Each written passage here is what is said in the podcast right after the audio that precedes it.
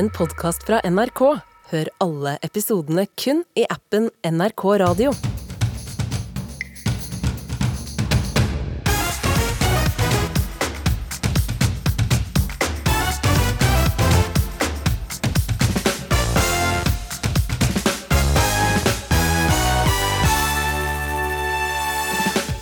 Vi har fått innsyn i norsk eldreomsorg denne uka. Lise Fjelstad setter ord på det mange føler. Jeg følte, jeg følte meg helt nummen når jeg hadde sett det. Jeg følte Jeg synes det var så brutalt. Vi spør om det er dårlig lønn eller dårlige holdninger som får pleiere til å legge gamle klokka fire på ettermiddagen. Og hvor sexy kan det egentlig være med gamle tegn som er rissa i stein? Her er det en ord som de har tolket til å være 'herlig er fitta, måtte pikken skjenke den'. Mm. Ganske hot, viser det seg altså. Verdens eldste runestein er funnet ved Tyrifjorden, og vi lar oss fascinere.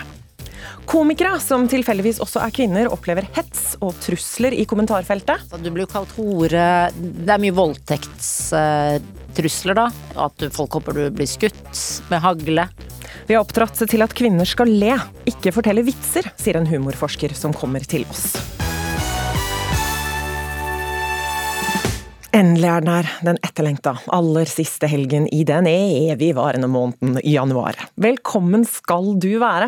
Håper du blir med meg, Marte Kaase Arntzen og resten av gjengen i Ukeslutt de neste to timene. Charlie Puth har også bedt om oppmerksomhet.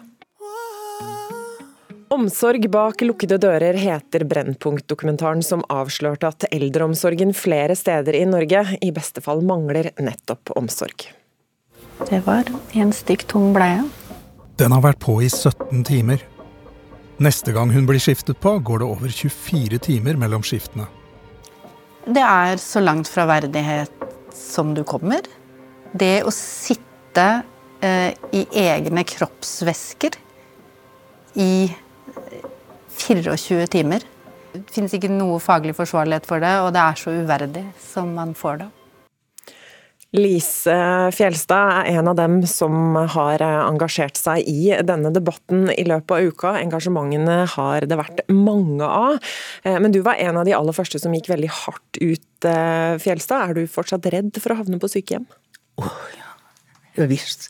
Og jeg er enda reddere nå, etter å ha fått så ufattelig mange tilbakemeldinger på det jeg sa i ja, Nyhetsmorgen, var det vel. Jeg ble spurt om å reagere på det jeg hadde sett.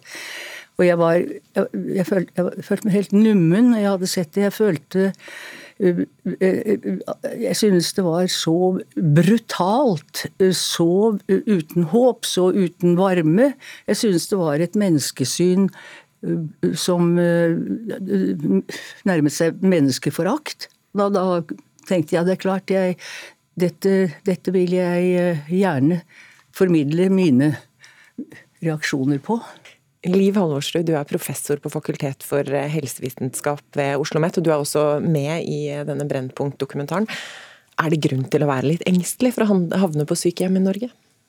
Det er et vanskelig spørsmål, men på en annen side Vi har sett den dokumentaren, men vi vet at det er mye bra eldreomsorg. Men jeg skjønner veldig godt at man reagerer når man ser det som har eh, gått på TV nå i det siste. Men vi vet også noen ting om grunnene til dette, og jeg tror vi har så mange gode medarbeidere i helsetjenesten, så det er ikke vond vilje for dem som står der, men de står i så mange store utfordringer. Og vi vet noen ting om det vi kaller pleieforsammelser er årsaken til det. Og det er det mye litteratur som forteller oss om. Det er mangel på folk. Det er mangel på kompetanse. Det er oppgaver som stjeler tida til eh, særlig sykepleiere til andre oppgaver enn pasienten har ting. Det kan være seg at man skal holde seg oppdatert på tekniske ting. Man har ikke teknisk support til IT-systemene som er på jobb, fordi at de som har den kompetansen, de eh, jobber på dagtid, ikke på kveld og helg. Vi har eh, manglende opplæring til nye ansatte. Og vi mangler folk i helsetjenesten. Vi vet at eh, vi mangler omkring 7000 sykepleiere. Nesten 3000 helsefagarbeidere. Dette er, er vanskelig. Ja, for Det er jo lett å tenke når man sitter og ser på dette og ser at gamle blir tvunget i seng klokka fire, at de må gå med bleier i nesten et døgn. At, at, eh, hva er det som får folk til å behandle andre, mennesker så dårlig?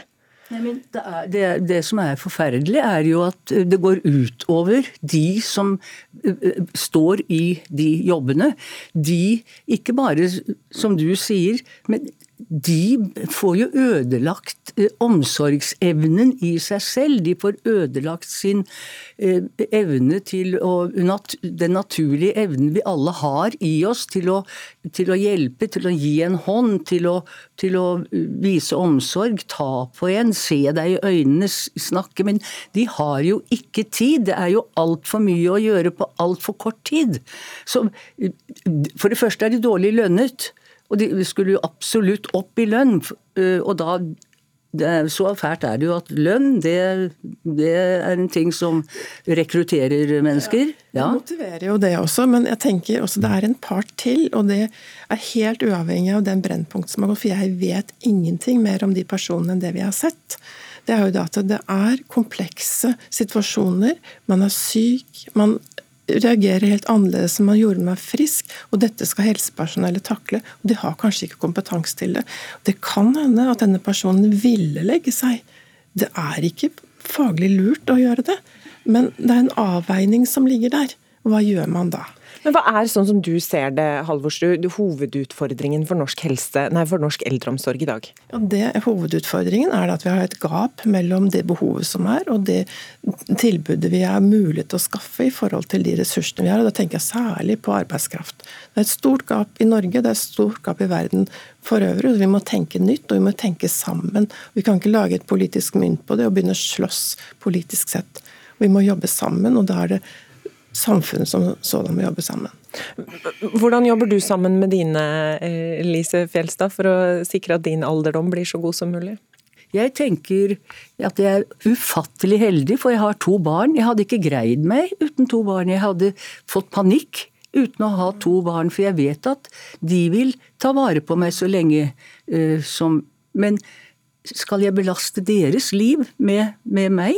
Uh, det synes jeg ikke er noen vakker eh, jeg har regnet med at jeg ville kunne komme på et sykehjem hvor jeg ville blitt tatt vare på. Så dumt har jeg tenkt. Men det er noen av oss som er heldige å ha familie, og som kanskje kan hjelpe oss til et stykke på vei. Ja. Men så er det en tid i livet hvor man trenger profesjonell hjelp. Ja. Og vi lever i et samfunn i Norge hvor vi burde kunne få den hjelpa. Og vi har noen av verdens beste helsetjenester. Og når vi ser at vi har noen sånne store hull, så må vi på en eller annen måte få tetta det. Og hva med dem som ikke har noen pårørende? De skal vi gi ekstra mye, da. Ja, men, er, men det, ja, jeg er jo alle enig i det du sier, men det skjer jo ikke. En helseminister kan sette foten ned og si at nok er nok, dette kan jeg ikke stå inne for. Og så får vi da se hva som skjer. For ordens skyld så har eh, vi eh, invitert eh, helseministeren. Kjerkol kunne dessverre ikke komme til ukeslutt i dag. Men vi vet jo alle at vi blir flere og flere eldre, og så blir vi færre og færre omsorgshender. Og da må vi jo planlegge for, for alderdommen vår. Hvordan gjør man det best mulig, Liv Halvorsrud? Vi trenger ikke bare hender, vi trenger kompetanse. Vi har mange gode mennesker, men vi er helt nødt til å vite hva vi gjør, og da trenger vi en utdanning for å kunne gjøre det. Og hvordan skal vi ta, eh, planlegge for alderdommen vår? Noen av oss er så heldige å kunne planlegge for alderdommen vår. Vi skal kanskje gjøre det, men så er det en gruppe mennesker som kanskje ikke er så heldige, og de skal vi som samfunn klare å hjelpe. Kanskje noen av oss må yte litt mer for at andre skal få noe mer.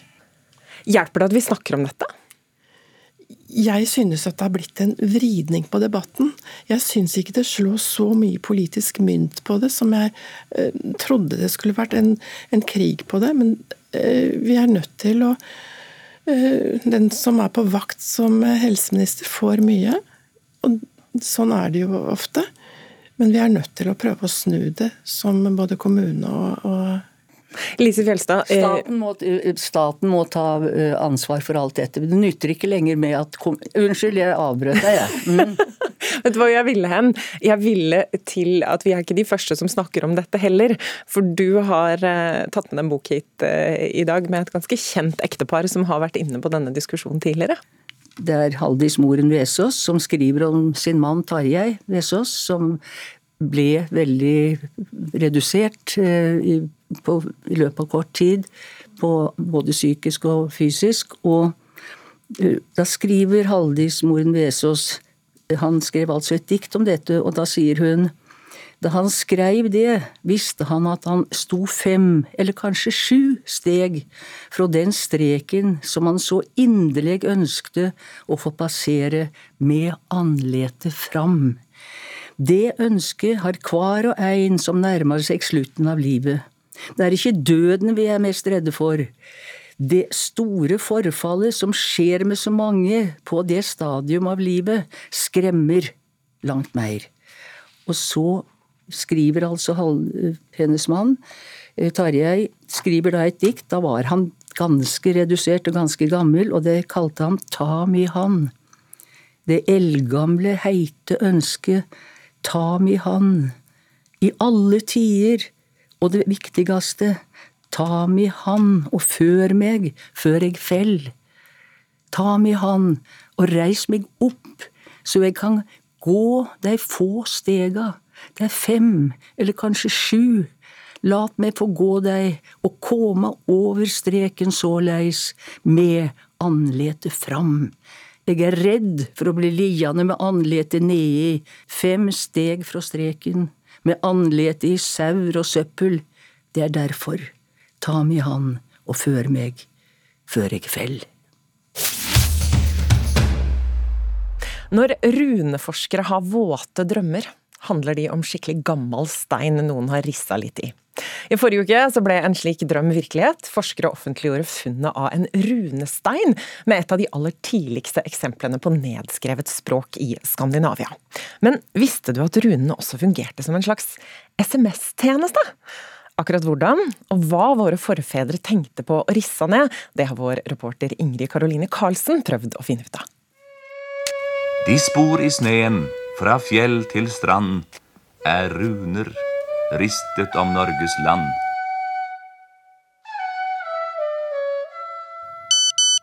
Herlig er fitta, måtte pikken skjenke den. Min kjære, kyss meg. Du tenker neppe på det siste her når du hører ordet runer. Kanskje heller tenker du på funnet av den 2000 år gamle runesteinen som ble offentliggjort i forrige uke. Jeg snakka med runolog Kristel Silmer om hvorfor denne steinen er så sensasjonell. Det er jo uh, verdens eldste runestein, der de faktisk har kunnet uh, slå fast altså et tidsrom som vi mener steinen er fra. Og dette endrer mye i vår kunnskap om runenes eldste historie, og også bruk av runer på stein. De evige tekstene som er overlevert på stein av høvdinger og konger til ettertiden, er altså eldre, og ikke nødvendigvis så planlagt som vi hadde trodd. Steinen har en uh, veldig spennende samling av ulike typer innskrifter, og også mindre innrissinger, der noen uh, nærmest kan minne om uh, skriblerier eller små, litt mer vilkårlige tegninger. Fine innrissa runesteiner forteller ofte hva som har blitt eid av hvem, og formidler viktige ting til ettertidens folk. Men hva med de runene som ingen egentlig var ment å lese? Runepinnene er veldig morsomme, for uh, der finner du alt mulig. På bl.a. Bryggen i Bergen er det funnet massevis av korte hverdagsruneristninger sendt som små SMS-er på pinner mellom helt vanlige folk. Det er litt uh, kjærlighet, uh, det er litt sladder, og det er også litt grove navn og betegnelser. Kristel forteller også om de juicy, litt skitne runene. At, at, man kan kalle noen for uh, slikker av uh, kvinnelig kjønnsdel, da. Grov i språket eller ikke, vikingenes SMS-er fascinerer ei som føler spesielt sterkt om rundetegnene. Journalist Marte Spurkland. Mitt forhold til runder er kanskje sterkere enn de flestes forhold til runder. Jeg vokste jo opp med en pappa som var runolog. Gjennom barndommen hata hun runer, men mens faren ble uhelbredelig kreftsyk og døde et år etterpå, kom hun nærmere tegnene enn hun kunne ha forestilt seg. Når du skal miste en person som betyr veldig mye, da. Det å faktisk klare å jeg vet ikke, kanskje se den personen litt på nytt. Bli kjent med ham, få liksom enda bedre tak på det som var viktig for ham. Eh, det var jo noe av det vi gjorde. Og det er kanskje litt glede over det òg, da. At jeg tenker at nå ved at jeg gleder meg over runefunn og runeinnskrifter, så er det akkurat som han er her litt ekstra. Marte tok opp pennen og hjalp sin far å skrive historien til det han mente var tidenes største medierevolusjon i Norden. Det å gå fra å ikke kunne skrive, bare ha talespråk, til å begynne å liksom kunne skrive ned det du føler og tenker og er og gjør og mener og sånn, er jo et veldig stort sprang. Enten det er for en seksåring i barneskolen eller ja, for et helt folkeslag som får den muligheten. Så når de begynner med det, da, en eller annen gang sånn rett etter år null, vår tidstrening, hva er det de begynner å skrive, liksom? Hva er det de bryr seg om? Konklusjonen er mens runeforfatterne skrev tekster om guder, konger og sagaer til ettertiden, var de akkurat som oss. Til hverandre skrev de kjærlighetsdikt, erotiske noveller, korte meldinger, hverdagsklager og sladder. Dette er noen av Marthas favoritter. Nei, nå var det mye bråk her, eller nå sier kona di at du må gå hjem. Jeg elsker den mannens kone så høyt at ilden tykkes meg kald, og jeg er den kvinnens elsker. En annen som skryter, da. Smed lå med Vigdis fra sneglebeinene. Og så avslutter han hele den innskriften med 'Ikke pryl meg for min hjelpeløshet'. Midt under striden om svensk Nato-medlemskap, der Tyrkia sitter med nøkkelen, får Rasmus Paludan lov til å brenne Koranen foran Tyrkias ambassade i Stockholm. For helst vil jeg brenne den i Sverige morgen, middag og aften hver eneste dag hele året så er det her vår rett i, i Norden å gjøre det.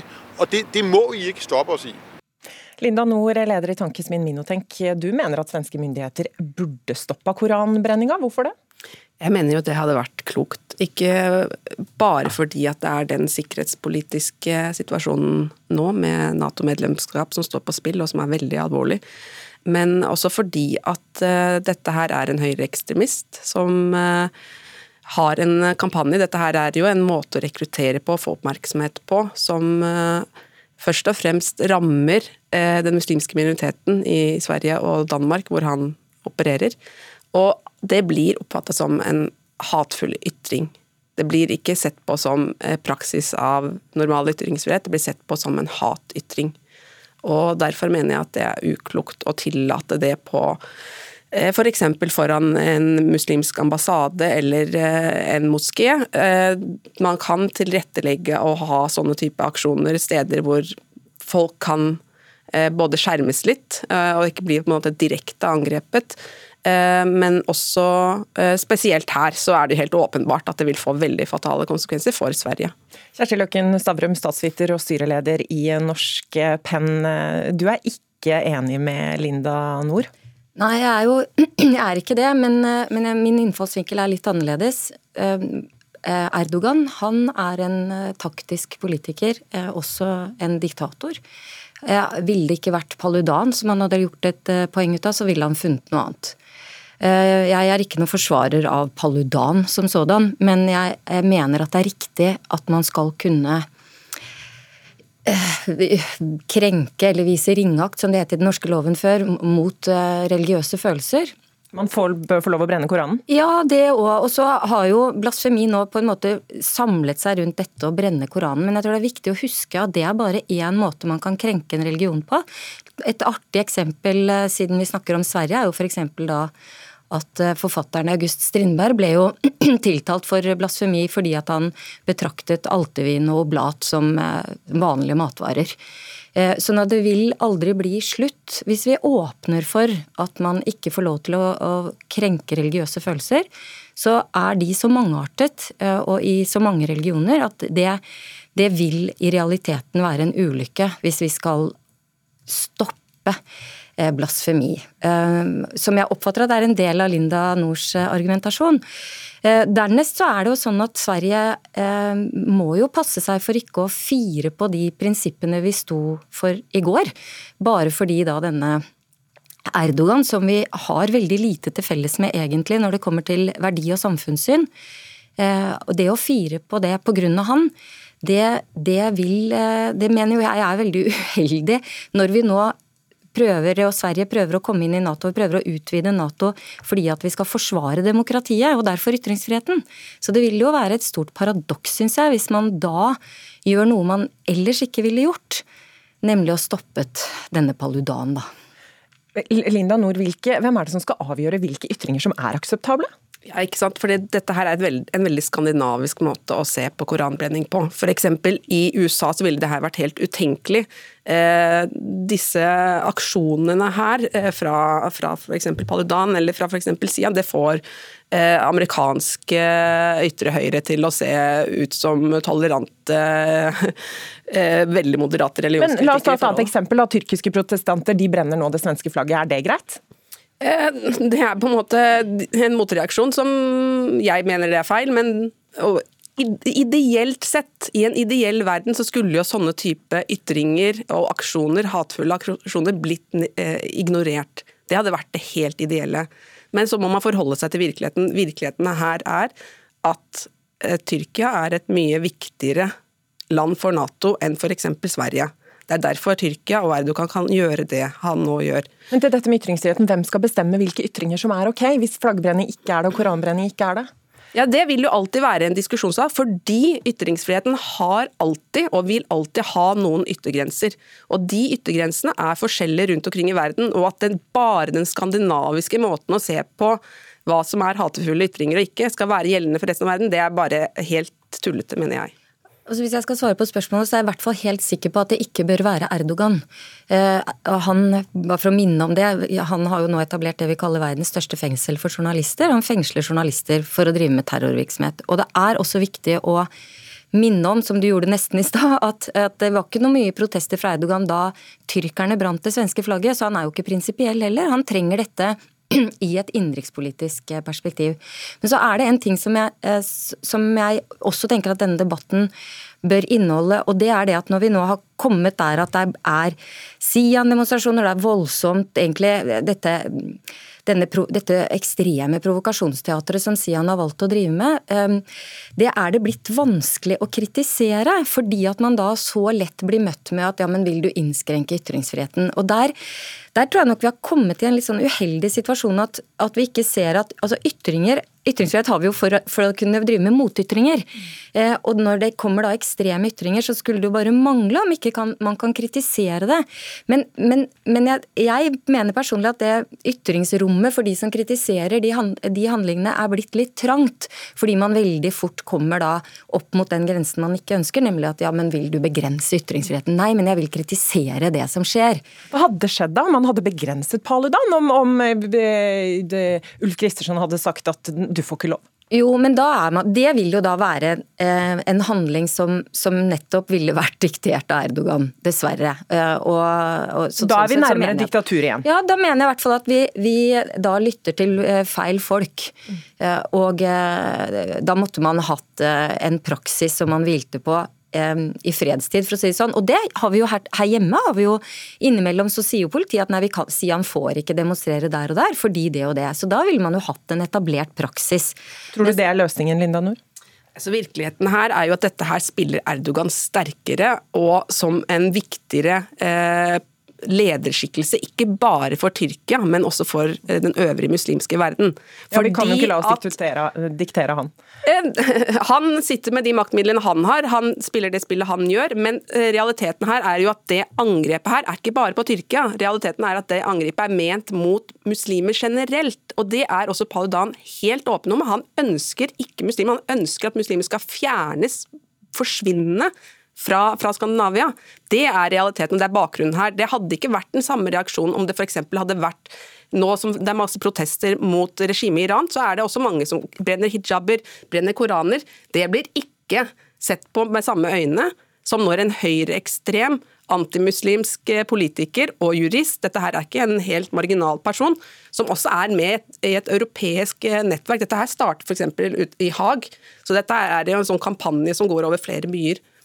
Det får bli siste ord eh, fra Linda Nord. Det var det vi rakk i Ukeslutt i dag. Tusen takk for at både Kjersti Løken Stavrum, statsviter og styreleder i Norsk Penn, og for at du da, Linda Nord, leder i Tankesmien Mino Tenk, rakk å komme innom oss i dag.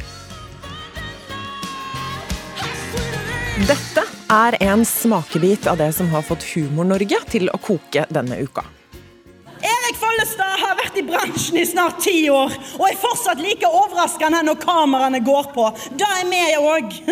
Da er vi òg. Du ser ut som en tilfeldig fyr på gata som akkurat har overlevd en påkjørsel. som ikke burde ha overlevd.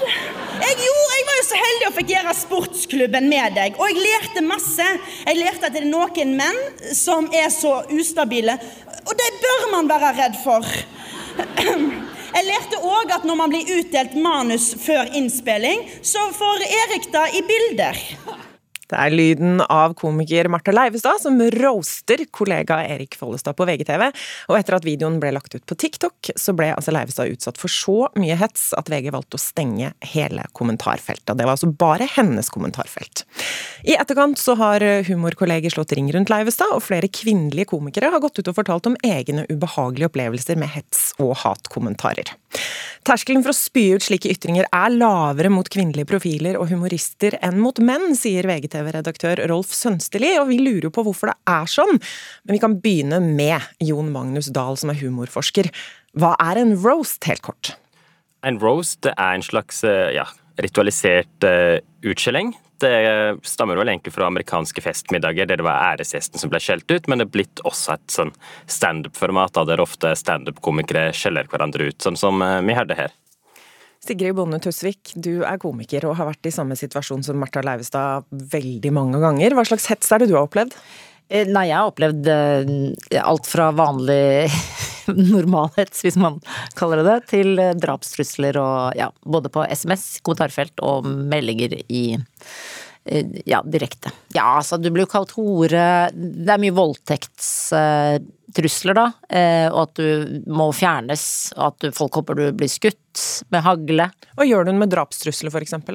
De politianmelder jeg jo, men Eh, det er jo vanskelig å finne de, på en måte også de som skriver det, så da blir du ofte henlagt, da, fordi politiet finner ikke de personene som drapstruer deg. De sier på en måte, eller de gangene jeg har vært hos politiet, sier de at eh, du blir kanskje ikke skutt, men noen kan komme og kaste ting på deg, eller eh, møte opp eh, rundt barna dine, eller et eller annet sånt, for å skremme deg, da. Og, og, det er jo på en måte veldig ubehagelig at du må ta stilling til hvis, særlig hvis du egentlig har kommet med en vits, da. Eh, jo Magnus Dahl, eh, humorforsker. Hvorfor får kvinner så sterke reaksjoner? Det har nok litt med å gjøre at um, kvinner uh, ikke er de som skal vitse, men de som skal uh, le av menn som forteller vitser. Det er gjort en del forskning på ikke komikere, men helt uh, vanlige folk og deres sans for humor og hva de syns er god humor og hvilke sosiale sammenhenger en syns at humor er bra. Da. Og Det som viser seg ganske tydelig, er at eh, det er menn som liksom skal fortelle vitser. Det er viktigere at det er menn som har humoristisk sans. Eh, hvis kvinner først skal vitse, så skal det være passende. Det skal ikke være for drøyt, verken eh, ikke seksuelt, og iallfall ikke med noen aggressiv tone mot menn som er til stede.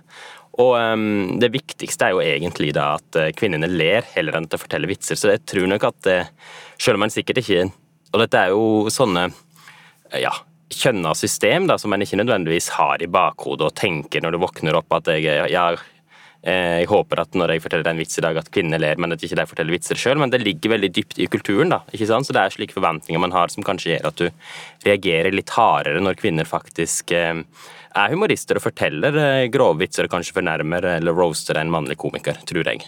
Helene Uri, språkviter og forfatter av boka 'Hvem sa hva?', en bok om eh, språk og kjønn. Du sitter og smiler og nikker i studio av, eh, av det Dahl sier her. Kjenner du deg igjen? Jeg nikker, men jeg håper jeg ikke smilte altfor mye.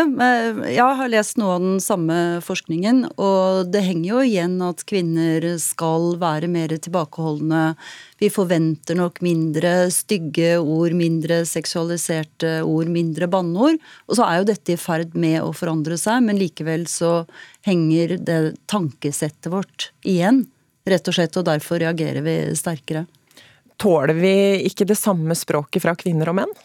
Nei, vi gjør nok ikke det, og vi reagerer jo litt annerledes. Det er jo mye forskning som viser at man reagerer annerledes på uttalelser fra kvinner enn eh, på uttalelser fra menn. F.eks. For at forslag fra kvinner blir dårligere fulgt opp, eh, at eh, menn er mer frempå og stiller flere spørsmål. Så vi har jo mye forskning som viser at kvinner og menn både produserer og responderer på språk på ulikt vis. Sigrid Bonde Tusvik, hva sier denne saken om det å være komiker i Norge i dag? Eh, den jeg, jeg, tror at vi Det er som Helede sier, at um, det forventes ting av kvinner på en annen måte enn en menn.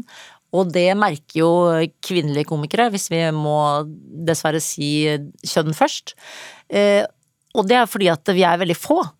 Så vi er en, vi er en veldig sjelden rase, så det er litt sånn Eh, vi er alltid bare én kvinne på jobb. Det er jo veldig sjelden du møter en annen kvinne. Eh, og det bryr egentlig ikke vi kvinnelige komikere oss så mye om, fordi jeg tror at alle kvinner i bransjen liker den guttastemningen og den tøffe tonen. Det er derfor vi dras mot standup, da. Eh, fordi vi tåler det vanvittig godt, og vi digger det. Og derfor tror jeg det er ekstra sårt, nettopp for Martha, eh, at det er hennes kommentarfelt som blir eh, tatt mest og må tas bort. Fordi hun er jo helt på lik, likt nivå som de andre, og som de som var der sier at hun var best til å roaste.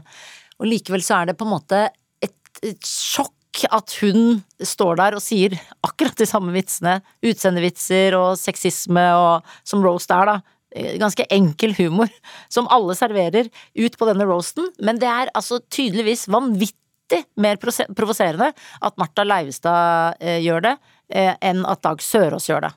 Ja, Lytter vi på en annen måte, Helene Uri? Det gjør vi nok, og vi ser jo også at hetsen i kommentarfelt er veldig annerledes når den er rettet mot kvinner enn når den er rettet mot menn. Fordi det er vel slik, viser i hvert fall en undersøkelse fra Fritt Ord, at kvinner og menn mottar like mye hets i kommentarfelt. Det er bare at de handler om forskjellige ting. Når det er, går på kvinner, så handler det om utseende, om klær, om kropp mens menn får mer kritikk som gjelder sak, og det er jo litt sånn Sigrid var inne på her i sted. Og det er jo en veldig stor forskjell når det går på en selv personlig eh, fremfor sak, og dette gjelder kvinnelige politikere også. For det er jo det som er, jeg tenker at det er jo det som er kjedelig, er jo at du hører veldig sjelden om menn som øver seg på å legge stemmen ned, eller eh, gå på smilekurs, eh, eller kle seg sånn og sånn for å slippe å bli eh, at, eh, Og det, det, snakker vi veldig mye om faktisk i vårt miljø, da, at eh, som kvinne så kommer du opp, og så ser folk veldig mye på hva du har på deg. Som, som, kvinne, så publikum bruker litt sånn tid på Jeg må se på kjolen din eller skjørtet ditt, eller du, du gikk sånn kledd du, ja. Mens menn eh, i vår bransje går jo forferdelig kledd, altså i utslitte jeans og flanellskjorte som nesten ikke henger sammen. Hetser du dem for utseendet? Absolutt. Ja. Så, så, da er du veldig vant til å se Der kommer den eh, du, du, bryr deg ikke om hva han har på seg. Eh, mens det tror jeg også er helt sånn Og det elsker jo egentlig jeg. Jeg liker jo at kvinner nettopp liksom er et friskt pust da, og har ofte pynta seg litt for anledningen. Eh, vi må tilbake til deg, humorforsker eh, Jon Magnus Dahl. Eh, er det mulig å være kvinne og komiker uten å få hets? Nesten ikke, vil jeg tro. Men jeg vil jo si at en del av det som skjedde her, er jo sikkert at dette havna på internett. At dette var VGTV som sirkulerer i sosiale medier, og ikke minst på TikTok. Fordi når, tross alt, når man gjeng til en standup-klubb og ser på standup eller Rose, så har du en slags sjangerforventning. Du veit eh, hva som skal skje, og da vil du antagelig ha en litt høyere toleranse um, for uh, ja, for det som kanskje ellers hadde blitt sett på som upassende vitser også fra kvinnelige komikere. Men her blir det spredd på internett, ikke sant? og da havner det i det ja, ville kommentarfeltet. Uh, og jeg tror nok det er en del av den dynamikken som gjør det mye verre enn om det hadde ja, vært på um, vært på gammeldags lineær-TV eller på en uh, standup-klubb. Helene Uri, hva syns vi om ordet guttastemning helt til slutt?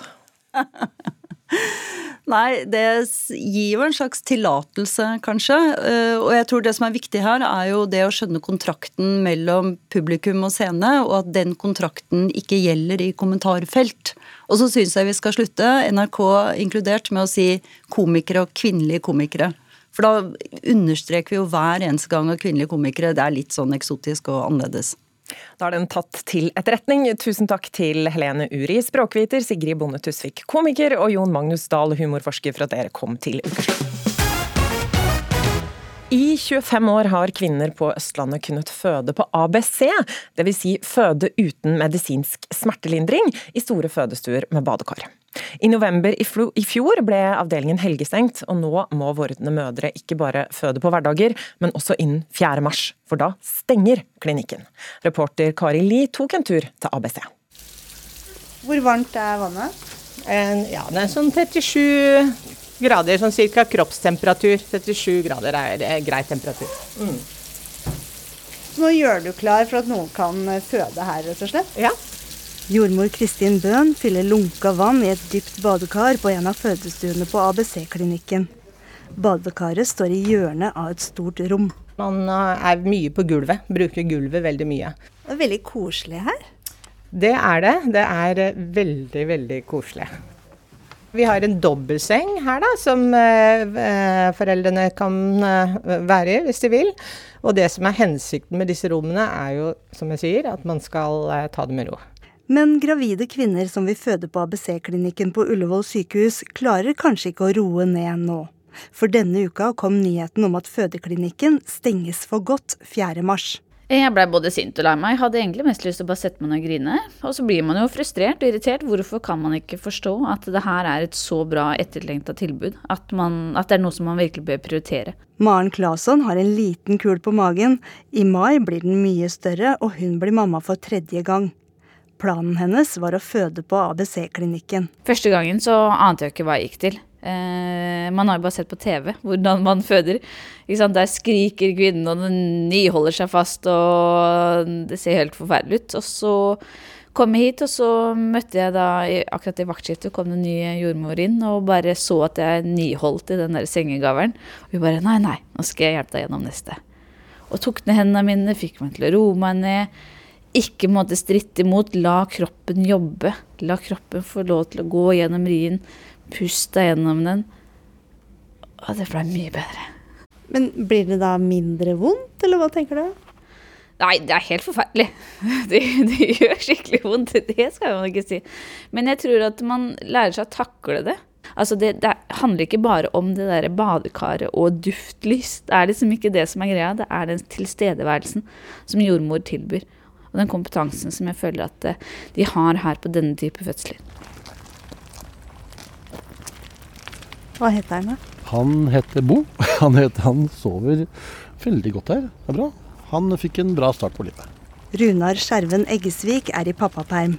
Han har vært med på to vidt forskjellige fødsler på Ullevål sykehus. Jeg husker eh, hvor jeg satt i stolen. Jeg husker senga. Jeg husker badekaret i hjørnet. Jeg husker at jeg også var ganske sånn umoderne badekar, for å være helt ærlig. Jeg hadde venta at det var noe bedre, eh, men sånn er det. Uh, og jeg husker også dessverre uh, det, det, rommet som vi fødte vår første sønn i på Ullevål, som var uh, en, en traumatisk opplevelse. Det var følelse, følelse av å være gjennom en sånn fødselsmaskin. Og, og, det var ikke tilrettelagt for f.eks. At, det, at det var plass til far. ti forskjellige råd om amming av ti forskjellige pleiere. og det var veldig mange fødsler når, når vi var der, så da var det bare kaos. Hva er det som skjer når man kommer inn på ABC? Da blir hele familien ivaretatt, føles det som. Eh, og vi, det er en ro der. Det var eh, en, riktig temperatur. Det var ikke noe stress i gangene på den måten som du følte inn gjennom veggene eh, på, på, på vanlig Ullevål. Det var belysning som var riktig. Det var helt en, en atmosfære som var tilrettelagt for å slappe av. Skjerven Eggesvik var en av mange som på Facebook delte sin frustrasjon over at ABC-klinikken skal stenges. Det virker som at det her er ikke gjennomtenkt, og dessverre er ofte virker det som at, at, at eh, beslutninger som tas rundt fødsel og fødselskunnskap, de er eh, nok eh, de, de er ikke så viktige, liksom. Det er nesten litt rart å si at man syns det er fantastisk. Eh, men jeg syns det har vært veldig gode fødeopplevelser her på ABC. Maren Claesson bor i Nes kommune og ville gladelig kjøre 40 minutter for å føde på ABC-klinikken. Nå som det ikke lenger blir mulig, vil hun føde i Kongsvinger. Eh, jeg frykter, og har hørt rykter av både venninner som jobber på føden, eh, at man har ikke tid til å måtte være den tilstedeværende jordmoren som man gjerne ønsker sjøl. Man får en eh, veneflon i ånda og en CTG over magen som måtte telle rier og litt sånne ting. Eh, og så må man løpe til neste. Mens konseptet her på ABC, og kanskje på lokalsykehus, er jo at man da har mulighet for å kunne være til stede gjennom hele fødselen. Det er jo det jeg ønsker. Nå har vi to fødsler på gang på ABC. Og jeg uh, tror ikke de kommer til å føde før, uh, før Eh, de må flyttes over til den andre siden fordi ABC stenger for helgen. Tilbake i fødestua på ABC-klinikken må Kristin Bøhn skru av vannet igjen. Da får de ikke født her, da? Fra november i fjor har ABC-klinikken holdt stengt i helgene. Så selv om de fødende er i gang, må de over på den ordinære fødeavdelingen. Eh, jeg syns jo først og fremst det er helt tragisk for, eh, for Oslo-området at vi mister et sånt lavterskeltilbud som er så populært. Eh, som jordmødre ønsker å jobbe i, og som fødepar ønsker å være tilknytta. Den eh, jordmordrevne ABC-enheten Bullevål sykehus blir altså lagt ned 4.3, som du nettopp hørte i en reportasje her på Ukeslutt. Jordmødre kaller det en katastrofe for jordmorfaget. Og kvinner som er født der eller hadde planlagt å føde der, de har bare lyst til å sette seg ned og grine. Statssekretær heter det i Helse- og omsorgsdepartementet, Ellen Rønning Arnesen fra Arbeiderpartiet. Det er jo ikke første gang at vi hører kritikk av føde- og barselsomsorgen her i landet de siste åra. Eh, er dette en ytterligere forverring? Altså jeg skjønner den bekymringen som de kvinnene som skulle føde på ABC eh, kjenner på. Vi vet jo at svangerskap og føding er det er en, en milepæl i livet, og at man da får et brudd i det man egentlig hadde planlagt, det skjønner jeg at det er krevende. Men det er jo også sånn at dette er et vedtak som er fattet av Oslo universitetssykehus selv, og er, de, er, de, trygger oss jo også på at det er et tilbud til de kvinnene som skal føde. Og jeg har også lyst til å framsnakke det ordinære fødetilbudet som også er på OS, hvor man også skal få den differensierte omsorgen som er så viktig, fordi enhver fødselsopplevelse er unik. Eh, Marie Sneve Martinussen, du er stortingsrepresentant for Rødt, og du reagerer på denne nedleggelsen. Hvorfor det?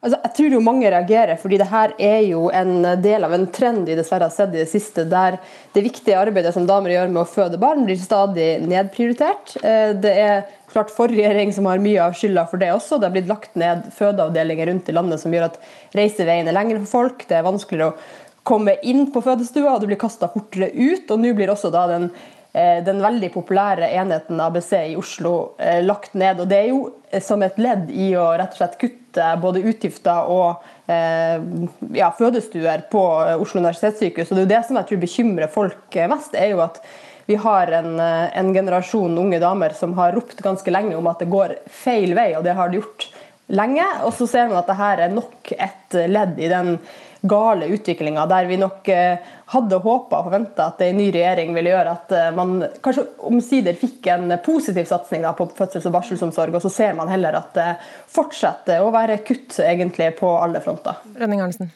Nå vet vi jo det at 2023 er et veldig krevende år, men det betyr jo ikke at vi sitter og ser på en omsorg som ikke er god nok, for vi har jo tatt tak i dette her helt fra start.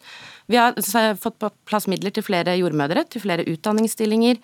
Vi har satt ned et sykehusvalg som skal se på hvordan dette her finansieres. Det jobber også direktoratet med, fordi vi ser at nettopp en for høy andel av ISF bidrar til en kanskje ikke så heldig finansiering av det fødetilbudet som er.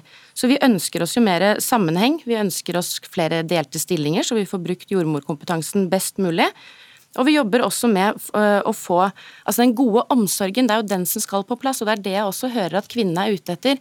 Og det er viktig for Arbeiderpartiet også. Men hvis vi venter på det, da, at alt dette skal bli funnet ut av, hvor mange er det som må finne seg i en litt sånn medioker barselomsorg i mellomtiden? Det er ikke en medioker barselomsorg i Norge, det må jeg bare få sagt. Altså, man får god omsorg i kommunene når man får oppfølging på helsestasjonen. Når man kommer inn på sykehusene, så vet jeg at det står flotte team klare til å ta imot kvinnene på deres premisser. Men det er jo ikke sånn at man ikke, fordi ting er bra, så kan det ikke bli bedre. Og Det er jo det vi må ta tak i nå, og det mener jeg at denne regjeringen også har gjort. Fordi å føde, det er som eh, representanten fra Rødt også sier, det er en helt unik opplevelse. Det er en stor jobb som damer gjør. Og dette her skal vi hjelpe dem til å få til på en god måte, uansett hvor de er i landet. Sneve Martinussen, det er jo knapphet på jordmødre her i landet. Er det da riktig at friske kvinner med ukompliserte fødsler skal ha tilgang på spesialavdelinger og sånn luksusfødetilbud, egentlig? Altså Hvis man er bekymra for tilgangen på jordmødre, så er det dummeste man gjør å legge ned ABC-enheten. Oslo universitetssykehus mangler jordmødre på sine ordinære avdelinger.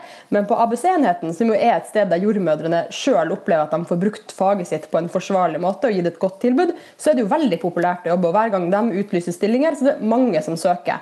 Og Jordmødre er jo ikke sånn knapper og glansbilder som politikerne bare bestemmer at nå flytter vi dere til et annet sted.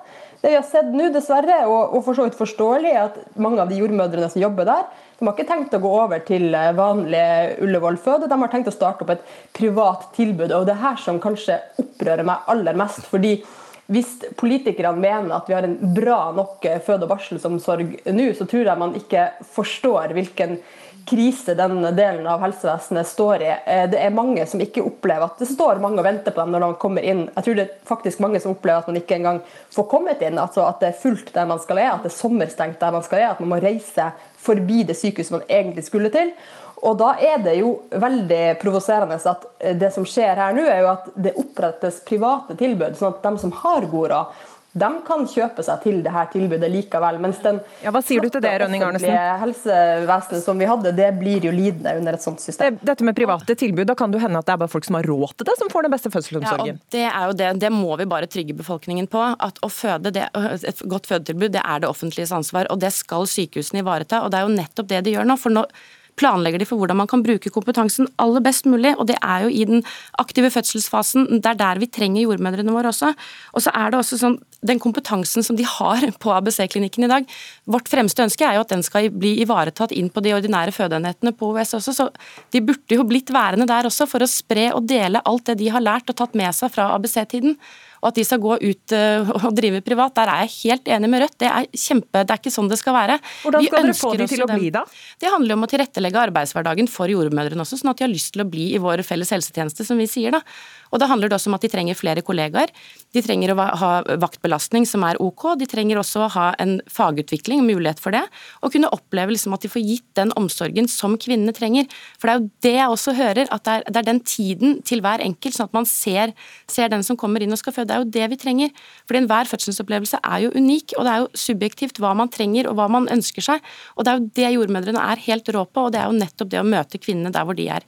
Eh, Sneve Martinussen, eh, til slutt. Det er jo vært færre og færre fødsler på ABC den siste tiden. Det er jo en del av grunnen til at de velger å legge ned OUS. Hva tenker du om det? Det er jo fordi ABC ikke har fått lov til å ta inn alle som har lyst til å være der. ABC har hatt langt flere søkere enn de har fått lov til å ta inn. og Det er jo fordi man har over lang tid kan det virke som prøvd å ja, minimere det tilbudet ved å stenge det om sommeren, stenge det i helgene. Det er lange lister av folk som ønsker å føde på ABC. og Det som er trist her, er jo at det er på alle måter eh, lønnsomt og effektivt å ha en sånn avdeling som ABC, men finansieringssystemet for sykehusene, der de skal leke en slags butikk, og der det butikksystemet det verdsetter naturlige fødsler uten inngrep mye lavere enn hvis det skjer noe halvdramatisk eller dramatisk. Da. Og det gjør at uh, i det butikksystemet så kan ABC virke som dyrere enn det. og Derfor er jeg jo veldig skuffa eller håper at man rett og slett stopper nedlegging av ABC nå. fordi som statssekretæren sa, så har jo eh, helseministeren satt i gang en utredning nettopp av det finansieringssystemet. Og det finansieringssystemet, det må vi diskutere en annen gang, for nå er ja. vi rett og slett tomme for tid her i Ukeslutt. Tusen takk til Marie Sneve Martinussen, stortingsrepresentant for Rødt, og til Ellen Rønning Arnesen, statssekretær i Helse- og omsorgsdepartementet fra Arbeiderpartiet. Hele denne uka har vi fått høre at vi må planlegge for alderdommen vår. Og nå skal du få høre om en vennegjeng som bestemte seg for å gjøre nettopp det. For å flytte sammen og bli gamle sammen. Nei, jeg snakker ikke om TV-serien Friends, men bofellesskapet Vivenova på Hamar. Det betyr nemlig å bo på nytt på latinsk. Og det var nettopp det de gjorde da de solgte hjemmene sine og bygde noe nytt sammen for å få en sosial alderdom. Reporter Line Forsmo dro på besøk. Så noen koker kaffe, og kommer vi med litt kaker. og Så vi har det ordentlig koselig, det har vi. Ja, Så du hadde med deg noen kaker her, da? Det struller fra jula, men struller steker vi året rundt. Ja, det er god stemning når gjengen i Vivenova borettslag samles rundt bordet i sitt felleshus på Hamar. Her har de både strikkekvelder, dans og hyggelige middager når de vil være sosiale, de ti seniorene som bor her nå. Nyttår Feirer dere sammen? Da feirer vi. Da er det hæla i taket. Nei. det er lenge siden. Det startet med seks vennepar som likte dans og musikk og ville bli gamle sammen, og resulterte etter mange år i at de fikk bygget tre tvillinghus og et felleshus på et flott tun. Nå har de som var med fra starten av, bodd her i 18 år. Ja, det er jo eh, at du har noen rundt deg hele tida, og du føler deg trygg. Og nettopp det å planlegge egen alderdom har også helseministeren oppfordret folk til å gjøre, etter at det kom frem kritikkverdige forhold fra eldreomsorgen. Og det ble tema i Debatten på NRK. Vi må planlegge for hvilken bolig vi, eh, vi må, Hvis du har en bolig, så må du tenke er dette en bolig god å bli gammel i. Og så må staten bidra med noen virkemidler. Og da er nøkkelordet hvis du kan, så gjør det. Du må planlegge eh, alderdommen din i god tid. Det er det vi har gjort. De som bor sammen i Vivinova borettslag, føler seg heldige som har hverandre til stort og smått. tror jeg er lurt. Ikke sitte bortpå med svære hus bortpå hver sin tue. Vi ser jo eksempler, vi har jo venner som sitter alene. Og ja. Og vi har jo, jeg må jo si det at eh, jeg syns bare det har vært så fantastisk at vi har holdt de sammen. Ingen som har rest for at de er sinte, eller ingen som eh, bråker, eller Det har vært bare helt fantastisk. Og deres historie er en av de som trekkes frem når Senteret for et aldersvennlig Norge, som er en del av Helsedirektoratet, gir inspirasjonstips på nett, forteller leder Wenche Halsen. Det er jo ikke sikkert at vi alle skal bo i kollektiv, men, men det er jo en god idé. Vi har jo ikke lyst til å være aleine. Hun råder folk til å tenke på alt fra bosituasjon til sosialt liv i god tid. Og så skal vi selvsagt få den hjelpa vi trenger, når vi trenger den. Eh, Det er jo kjempeviktig å understreke.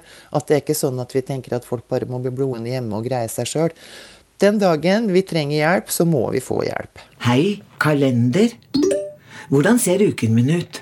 Jeg finner ingen planer i kalenderen din denne uken. Ja, hva mener Ikke neste uke heller. Nei, altså det, det kan være alt og intet. Men ehm, vi vet jo ikke hva som kommer til å skje med oss. Og to unge som nå prøver å se for seg livet som eldre, er Kari på 16 og Samira på 18 år. De jobber med å besøke og aktivisere beboere på sykehjem gjennom den ideelle bedriften Generasjon M. Altså Som ungdom så tenker man også på klimakrisen og litt sånn eh, på hva som kan skje, og hva som ikke kan skje. Mm. Men jeg har i hvert fall veldig lyst til å fortsette med det sosiale.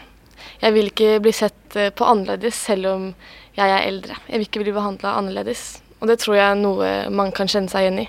De lager mat, spiller brettspill og synger sammen med eldre, mens de får mange gode råd. Karriereråd jeg ikke får andre steder. Det er jo litt det, bare følge kjærligheten og Og håper også at noen vil besøke dem når de blir eldre. Eh, og om jeg kommer til å bo eh, i et eldrehjem, så vil jeg at noen skal ta tid til å prate med meg.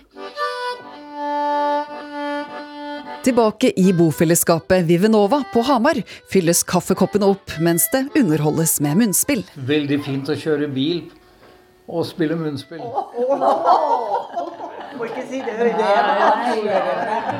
I løpet av de 18 årene vennene har bodd her, har det skjedd mye. Og en av dem mistet nylig mannen sin. Så jeg har jo støtte for alle sammen her.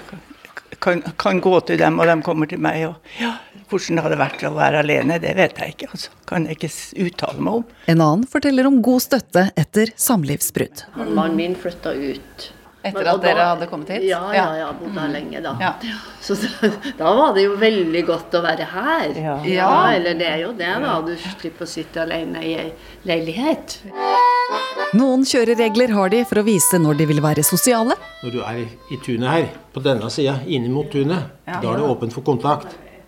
Så hvis du går ut med kaffen, og så Så det er opp til hver enkelt. Og deler på noen felles eh, oppgaver. Ja, vi er litt ansvarlige for det å gå over området og se om det er låst i teknisk rom og her. Og... Og ikke minst en felles automatisk gressklipper. Den har mange navn. Jeg kaller den for Ferdinand. Men hva de, hva de andre kaller den for, det vet jeg ikke. Blir det krangling og uvennskap og, og, og sånt? når det, det er mange som tror det. Men vi er, kan være uenige om ting, men vi er jo venner for det. Ja, ikke sant? Men vi hadde jo et par som bodde her som flytta. For de syntes vel at det ble litt mye dans og litt mye musikk og sang. Og det var ikke deres eh, tone. Ja. Så du må antageligvis like litt liv og litt ja, dans og musikk? ja, nettopp. Ja. Noen har dratt, og nye kommet til. Denne vennegjengen håper de kan fortsette å bo sammen livet ut. Jeg vil bo her så lenge jeg kan. Men om naboene vil komme og stelle med meg, det Nå har vi bodd her i 18 år. Ja. Og det har jo gått veldig fort, så jeg har tenkt å bo her 18 år til. Ja. Neste uke så justeres matvareprisene opp igjen. Da er det altså mange som lar seg friste av en mer eller mindre harry tur til vårt blågule naboland. Eller vi skal høre hvilke planer folk har. Planen er å måtte budsjettere mer og så kutte ned litt på matutgifter, men man kan, ikke, man kan jo bare gjøre det til en viss mengde. Sjekke tilbudene i butikkene, og så handle smart. Jeg har ikke lagt sånn ekstremt mye planer ennå, skal jeg være helt ærlig. Jeg har ikke tenkt å hamstre, men, eh, men jeg er jo bevisst på det. Hadde det vært et alternativ å ta en harrytur i Sverige? Absolutt så er det det, men da må man eh, nesten spleise med fire andre personer med en bil, ikke sant? ellers så blir det like dyrt. Jeg har ikke lappen, så ikke for meg i hvert fall. Vil du velge annerledes da, når du er ute og handler? Om de økologiske ris går mye mer opp enn vanlig ris, så vil jeg kanskje ha gått tilbake til vanlig ris. La oss begynne med en liten stemningsrapport fra Maximat på Nordby med Ole Jørgen Lind, for du er nemlig butikksjef der. Kan ikke du beskrive litt hvordan stemningen er hos deg akkurat nå? Jo, her eh, hos oss på Nordby da, her er det full fart. Eh, butikken full av eh, handleglade kunder og eh, generelt eh, god stemning. Hva er det dere selger mest av i dag, tror du, Ole Jørgen Lind? Nei, Vi har jo noen som alltid er med på topplisten, og det er jo um, kyllingprodukter, meieriprodukter, oster. Det er karbonadedeig, det er alltid noe å drikke, cola, Pepsi osv. Som alltid er på topp. Og så er det jo enormt mye mer å velge på, da. Og så må vi høre med Rai Werner Tørnquist, for du pleier å dra på handletur til Sverige. Kjenner du deg igjen i det Linn sier her, er det det du pleier å kjøpe? Ja, Jeg kjenner meg igjen, og, men det blir jo også en del annen handel da, når man først er der. Men det er jo vesentlig billigere, og det er jo de produktene som er mest aktuelle. Har du noen sånn tips, insidertips for uh, ivrige harryhandlere som tenker seg over grensa i helga? Nei, men eh, hvis man, som noen sier her, at de drar flere sammen, så kan det også lønne seg å kjøre kanskje litt lenger inn i Sverige enn Strømstad Uddevalla eller noe sånt. Der, der, har man jo flere kjeder, og der er jo prisene nesten billigere på enkelte ting. Hva er det du kjøper av? Nei, jeg kjøper jo meieriprodukter og ost og sånne ting, og selvsagt da noe mineralvann og lett øl som man kan, prosenten man kan få i butikk, samt at man noen ganger går innom Systembolaget hvis man trenger noe der. Magne Gundersen, vi må få med ekspertisen her også, forbrukerøkonom i Sparebank1. Hvor mye er det å spare nå på å ta ei lita tur til Sverige? Ja, eh, Det er mye å spare hvis du kjøper de produktene som nevnte her, sånn, som er, eh, hvor det er stor prisforskjell. Altså bacon, brett med brus, det kan være kylling, meieriprodukter. Der kan du spare mye. Men det er mange andre produkter hvor det er mye mindre å spare. Og jeg tror også det er noen produkter uten at jeg kommer på i farta som faktisk er dyrere i Sverige. Så skal du ha på svenskehandel, så må du vite hva du er ute etter, og så må du sjekke prisen på forhånd. Så du ikke kjøper noe som er dyrere i Sverige. Det er virkelig bortkasta. Ja, Makrell i tomat f.eks. tror jeg kanskje kan være dyrere i Sverige. ja, Da er det jo ingen vits å kjøpe det i, i, Sverige, så ikke gjør sånne handletabber. Men det har vært veldig godt råd da, å kjøre sammen. Eh, for det koster jo en del bensin skal du kjøre her fra Oslo-området f.eks., også til Sverige og tilbake. Det er ganske mange mil. Altså Man må tenke på selvfølgelig hva, hva det koster for noe. Hva er det, hva, hvilke andre ting kan man tenke på når man skal forberede seg på en sånn uh, svensketur? Ja, for det første må du, du må gjøre hjemmeleksa. Altså Vit hva det koster her i Norge, i butikkene, og hva det koster. Eh, sjekk, du kan sjekke på nett hva det koster på Nordbys eller Maximat f.eks. Uh, og, det, og Ica hvis du drar lenger inn, inn i landet. Og, så, og Da kan du også sjekke tilbud. Og så må du jo passe på at uh, du ikke altså En viktig del av planleggingen er at du ikke kjøper mer enn det du faktisk trenger. Altså, Vi kjøper så mye eh, kjøttdeig at det går ut på dato, og osten blir dårlig, og du må kaste det. Ja, Så hjelper det ikke å kjøpe det billig hvis du må kaste halvparten. Så det, du, må, du må planlegge såpass at du faktisk får brukt opp den maten du kjøper. Hvor flink er du til å passe på det, Rai? Nei, jeg, jeg føler at jeg er veldig flink til det, men som han sier også, det er jo riktig. Men man, det er jo også varer man kan fryse ned, da. Absolutt. Og det er jo mye å spare, og, og, vi har jo et sånt, eh, flere av oss som drar over, har jo et sånt knep har vi funnet ut også, at vi drar etter at høytiden er over. Oh, ja. For da er det veldig masse kjøttvarer til halv pris. Ja, fortell om den gjengen du drar på tur med. Nei, altså Det kan være uh, fotballgutter eller vi kamerater som drar over og drar to eller tre i en bil og kjører over en, en fredag eller lørdag og sånne ting. Og, og da etter høytiden, etter påske, etter jul, så er det jo halv pris på det som er halv pris av fra før av. Så da kan man jo gjøre et godt tilbud med å Og på mat, spise middag er også billigere i Sverige, føler jeg, enn det er her. Ole Jørgen Lind, butikksjef på Maximat eh, på, på Nordby. Det var jo en prisøkning 1.7 i år også. Hvordan merka dere det? For vår del så var jo det mm, Det var jo en eh, ekstrem endring over natta, egentlig. Vi hadde jo da på en måte fått en restart her 12.2 etter at eh, grensene åpna som vanlig igjen, og så fikk vi full fart. Men eh, etter den prisøkninga der, så var det vel eh, bortimot 20 eh, eh, opp i tempo her hos oss i forhold til månedene før. Hvor glad var du da? Nei, da er jeg glad. Det er ikke noe å lure på det. Da hadde vi jo pandemien enda tettere på. Det var jo to helt beksvarte år. Så å få i gang eh, omsetningen det var eh, bra i seg selv. Og så får vi en sånn økning, og da var det jo ikke noe annet enn å juble da. Det har vært full fart siden. Så vi eh, er spent på det som står foran oss i den uka vi går inn i nå. Og det tror jeg kommer til å skje nå også, når prisene går opp her i Norge på onsdag. Altså, Det kommer til å stå masse om det i avisene og i nyhetene og her i radioen. Og så neste helg Jeg tror det kommer til å bli valfart til eh, Sverige. For da ser, når man ser hvor dyrt det er blitt, så ønsker alle folk å gjøre et kupp. Og man ønsker å få mer ut av pengene sine og dra det til Sverige. Hvis du følger rådet ditt om å fylle opp bilen, ja, så er det mye å spare, altså. Ja, og, og det som er, er at jeg føler også at pressen er, er, er mye med på å, å, å få disse svenskehandlene til å gå opp. Det er veldig mye skriving om hvor billig det er, hvor dyrt det er her. Så nå er det Også- vår feil hvis det blir kø på Systembolaget i dag? Ikke, kø, ikke feil, men, men, men man påvirkes av det man leser og ser i media, på internett og alt sånt, og, og da drar man over nesten Når er neste tur for deg da, Tørnquist? Det, blir, det er bare annenhver måned som regel. Og, og da er det veldig planlagt, som han sier, at da må man planlegge litt. Men hvor mye handler det for da? Nei, en 1500 kanskje.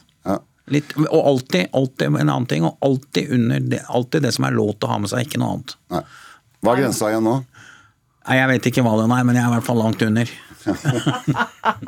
Ja, det er ryddig. Ja, det er Sjekk grensa før dere drar. Og så var det to ting til på slutten, Magne. Pant og poser, ikke sant? Du vet, eh, sånn som du har vært i Sverige mange ganger før og kjøpt eh, brus. ja, men Du tar vare på panten med, med tilbake til Sverige, så det er et eh, godt tips. For ellers så, så er det ikke så billig som, som man tror. Og du sa en kjøretur herfra til Svinesund og tilbake. Det går rundt 550 kroner i bensin og bompenger.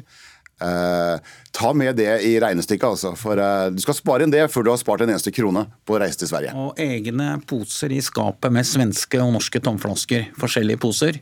Og så husk tieren til handlevogna. Ja, Og tieren til handlevogn, eller at du har fått en reklamegreie du kan putte inn i. Men ta med de bæreposene du har hjemme, eller handlenett, så du slipper å kjøpe det. For det er tre kroner posen, og så ganger du Syv kroner. Syv kroner i Sverige! Tre kroner i Norge. Det er dyrere i Sverige enn i Norge, i hvert fall. Det er det definitivt. Tusen takk for veldig gode tips til de som eventuelt skulle være interessert i en harryhandel før prisstigning nå 1.2. Magne Gundersen, forbrukerøkonom i Sparebank1, Ole Jørgen Lind, butikksjef for Maximad Nordby, og Rai Werner Tørnquist. God tur neste gang du drar til Sverige. Takk for det. I don't know. Let me ask should I keep the Twitter going or not? Keep it going? I think so. I think so. We go, wow, wow.